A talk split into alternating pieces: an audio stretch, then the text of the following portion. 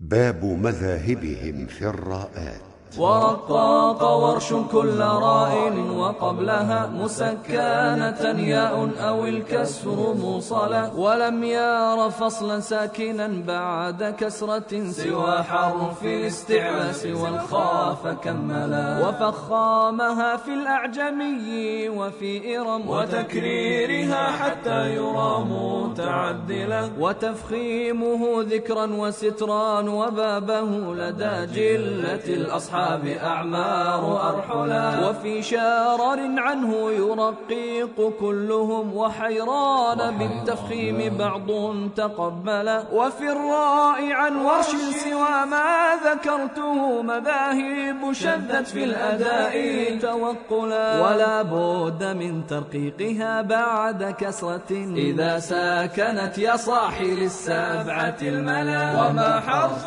الاستعلاء بعد فراء لكلهم التفخيم فيها تذللا ويجمعها خص ضغط وخلفهم بفرق جرى بين المشايخ سلسلا. وما بعد كسر عارض أو مفصل ففخم فهذا حكمه متبذلا. وما بعده كسر أو الياء فما لهم بترقيقه نص وثيق فيمثلا. وما لي قياس في القراءات مدخل فدونا كما فيه الرضا متكفلا. وترقيقها مكسورة عند وصلهم وتفخيمها في الوقف أجمع أشملا ولكنها في وقفهم مع غيرها ترقاق بعد الكسر أو ما تميلا. أو الياء تأتي بالسكون ورومهم كما وصلهم فابل الذكاء مصقلا وفيما